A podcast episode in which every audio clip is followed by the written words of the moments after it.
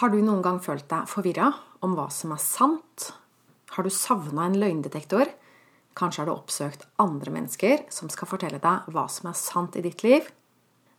Er du klar over at du allerede er en levende løgndetektor?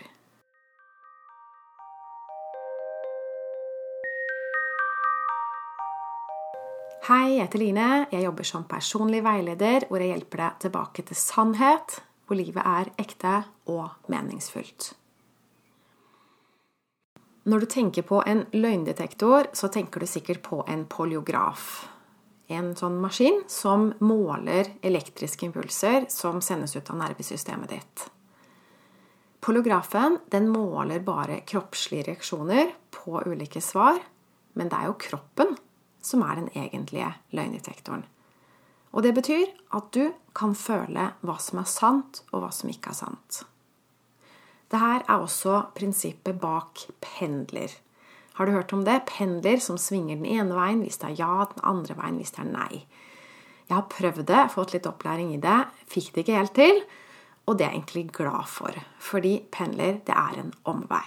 Det er mye bedre å lære seg å stole på sin løgndetektor, kroppen sin, følelsene sine direkte. Men det er ikke lett. Det er ganske vanskelig. Så hvis du syns det er vanskelig, så er du ikke alene. Vi mennesker vi har nemlig mista forbindelsen til oss selv.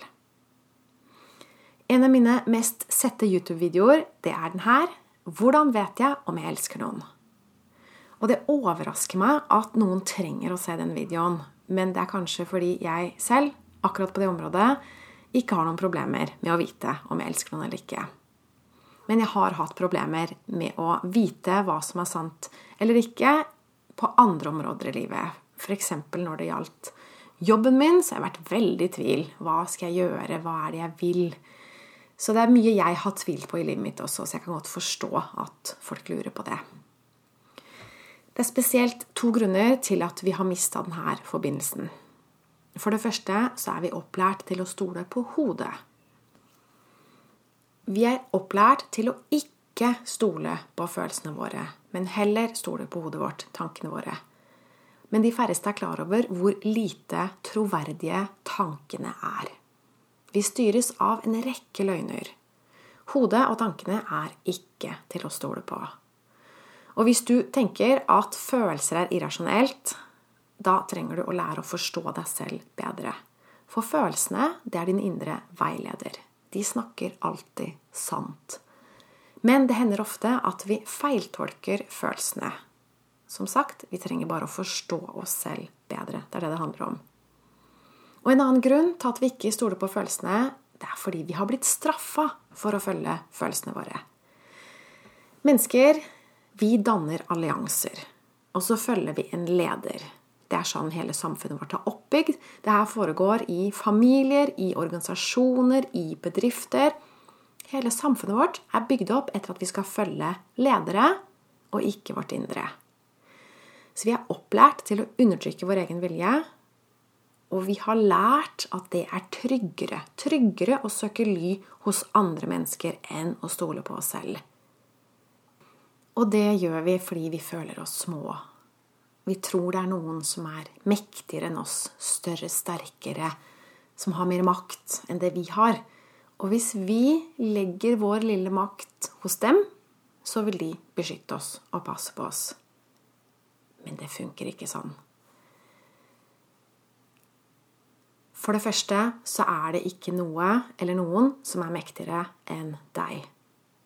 Det aller tryggeste du kan gjøre her i livet, det er å følge ditt indre men jeg vet det er lettere sagt enn gjort. Min påstand det er at din indre veileder alltid guider deg mot det gode liv. Når du trosser din magefølelse og går den motsatte veien av det du innerst inne vil, så vil det resultere i smerte og ubehag. Både for deg selv og andre mennesker. Hvis du ikke tror meg, så test ut selv. Og hvis du ikke tror meg, så forstår jeg det veldig godt, for jeg har vært der. Jeg har også hatt mine kamper. For eksempel så kan jeg huske da jeg var barn, så var jeg veldig pliktoppfyllende og gjorde leksene mine. Men så var det noe inni meg som visste at det var bortkasta. Det føltes litt bortkasta å bruke så mye tid på lekser. Det var akkurat som jeg visste at det ikke var nødvendig. Men jeg gjorde det allikevel. Kjente at jeg fikk spenninger i skuldrene og sånt nå, så det tenker jeg nå at det var intuisjonen min som prøvde å fortelle meg at nå trenger du egentlig bare å slappe av litt. Ro deg ned, det her trenger du ikke. Og et annet eksempel som står veldig klart for meg, det var for noen år tilbake så hadde jeg sagt opp jobben. Jeg jobba som ledelseskonsulent i et eh, fint firma her i København. Men det var ikke det jeg hadde lyst til. Jeg hadde begynt med yoga, og det var noe der som hadde vekka meg. Så jeg sa opp jobben og dro til India for å lære meg yoga. Og den yogatypen jeg drev med da, det var ashtanga-yoga. Og det er en ganske fysisk krevende yogaform. Og jeg kjente at det var ikke helt det. Jeg ville jobbe med, med noe mer Noe mykere, noe mer, mer feminint, kanskje. Noe, mer, noe bløtere, mer intuitivt. Så jeg søkte meg litt mot andre yogatyper. Så jeg var på vei videre og sto ovenfor et veivalg. Skulle jeg reise til Bangalore til et yogauniversitet som lå der, og få meg en utdannelse, en formell utdannelse som yogalærer?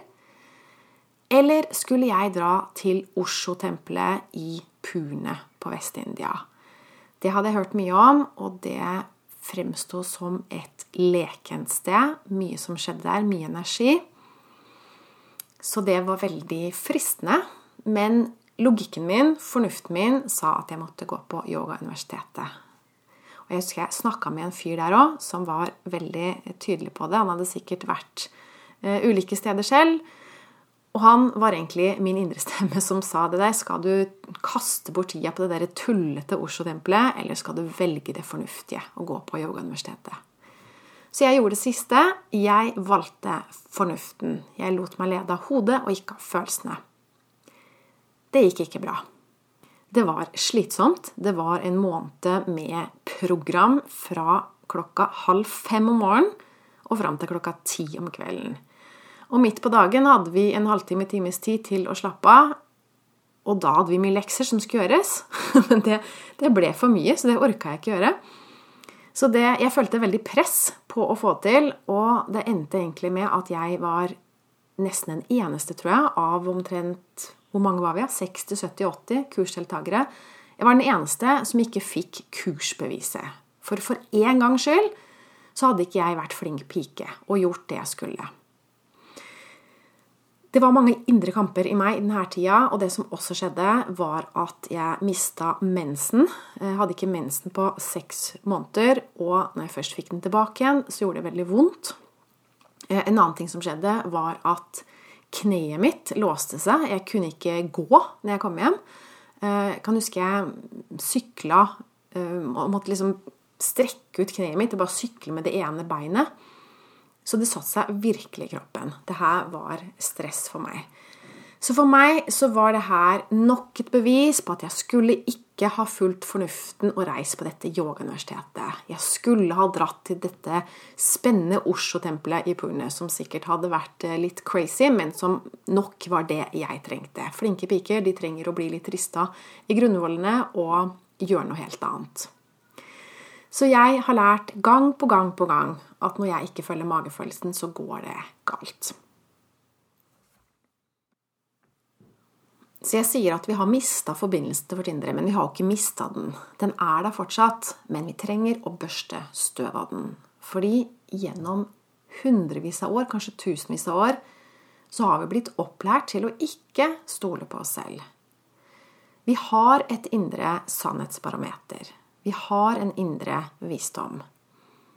Og den kan vi finne tilbake til. Og det er det jeg har gjort de siste åra.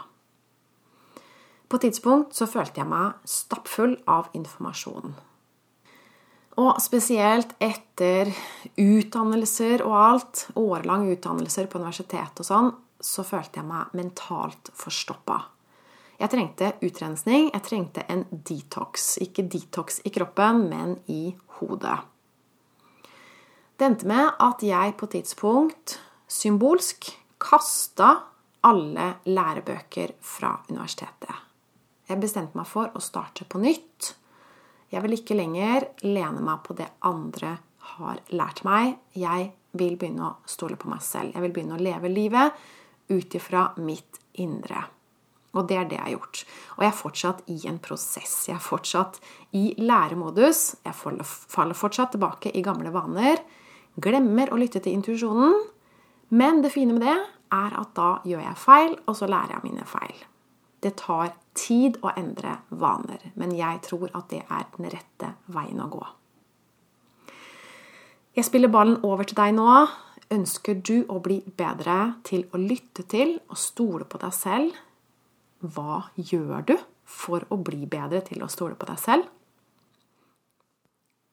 Hvis du ønsker min hjelp i denne prosessen, så kan du bestille en introsamtale med meg på linestrandvik.no klarhet.